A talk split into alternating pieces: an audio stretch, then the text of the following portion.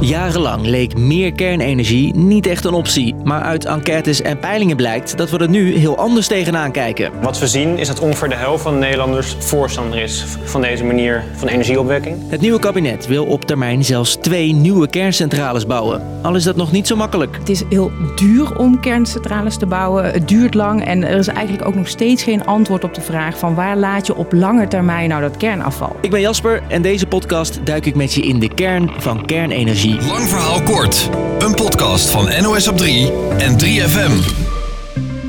Kernenergie is in Nederland niet nieuw. In 1969 opende in het Gelderse dorpje Dodewaard de allereerste kerncentrale. Koningin Juliana heeft de centrale officieel in gebruik gesteld door de reactor op zijn volle vermogen van 54 megawatt te brengen. Het is een kleine centrale die vooral bedoeld is als een soort oefening voor energiebedrijven. En al snel komt er ook een tweede, veel grotere centrale in het Zeeuwse Borselen. Maar nog voor de opening kloppen de eerste actievoerders al op de deuren van omwonenden. U accepteert dat die kerncentrale hier gaat werken terwijl u in de gevarenzone blijft wonen. Met de gevolgen van straling die mogelijk zijn. Ja, die zijn mogelijk, maar In de jaren daarna verzetten steeds meer mensen zich tegen kernenergie.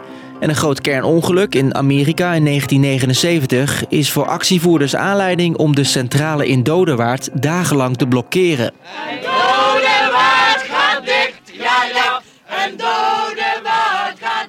In 1997 gaat de centrale in Dodewaard dicht. En sindsdien heeft Nederland dus nog maar één kerncentrale in Borselen.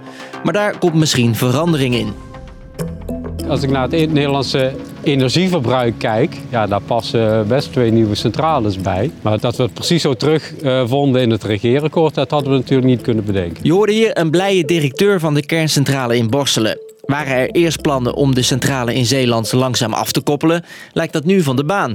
Het kabinet wil zelfs op termijn twee nieuwe centrales bouwen. Dan kernenergie. Het volgende is, zoals we ook in het klimaatakkoord hebben benoemd, een mogelijkheid om CO2-neutraal elektriciteit eh, te produceren. Dat kernenergie weer vol op de agenda staat, heeft alles te maken met onze klimaatplannen, vertelt mijn collega Judith van der Hulsbeek. In 2030 wil het kabinet al 60% minder CO2-uitstoot.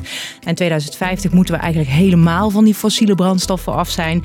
Dus er is veel haast en er is alleen maar meer haast gekomen omdat we nu door de oorlog in Oekraïne ook van het gas af willen. Kerncentrales nemen voor het opwekken van dezelfde hoeveelheid stroom minder ruimte in dan bijvoorbeeld zonneparken of windmolens.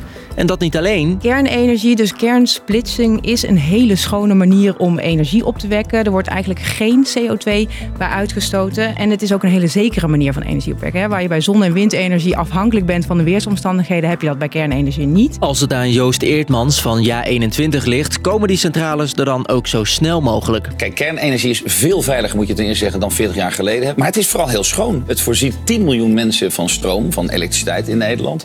Kortom, het heeft heel veel voordelen. Een nieuwe kerncentrale bouwen is alleen niet zo makkelijk. Allereerst al de vraag, waar moet die komen? En de bouw duurt ook nog eens lang en is erg duur, vertelt deze hoogleraar. Een grote kerncentrale, en dan praat je over eh, drie keer zo groot als Borselen, kost tussen de 8 en 10 miljard euro. En eh, duurt om en nabij 10 jaar om te bouwen. Dus ook al starten we vandaag met het bouwen van een nieuwe centrale, dan hebben we daar voor de klimaatdoelen van 2030 weinig aan. Je hoort mijn collega Judith nog een keer. Nou, daarnaast heb je ook nog een tekort aan mensen in Nederland. Hè. De afgelopen jaren was eigenlijk besloten dat we niet op die kernenergie zouden inzetten. Er is ook niet geïnvesteerd in het opleiden van heel veel nucleaire wetenschappers. Uh, de wetenschappers die we hebben, die werken al in de kerncentrales die we hebben. Dus daar, moet, daar zou nog heel veel extra kennis en kunde bij moeten komen. En dan heb je nog het nadeel dat het vaakst wordt genoemd: kernafval. Dat is zo gevaarlijk dat we het nu opslaan in een loods in Borselen. Met betonnen muren van bijna 2 meter dik. En daar kan je het volgens de directeur van de opslag maar beter laten liggen. Als, als u een vat zeg maar naar boven zou, nu zou ernaast gaan staan. Nou, dan, dan, uh, dan praat je toch over een, een stralingsbelasting waarbij je zeg maar binnen een week zie je zware stralingsziekte gaat oplopen. Maar volgens experts komt er maar relatief weinig van dat gevaarlijke afval vrij. En is kernenergie superveilig. Dus, lang verhaal kort. Het gaat weer steeds vaker over kernenergie. Volgens het kabinet is het een goed alternatief om sneller de klimaatdoelen te halen. Er zitten ook nadelen aan. Een nieuwe centrale bouwen kost jaren en is erg duur. En ook is kernafval nog steeds een probleem. Of er een nieuwe centrale komt en waar die dan zou moeten komen, daar wordt de komende tijd nog druk over gepraat.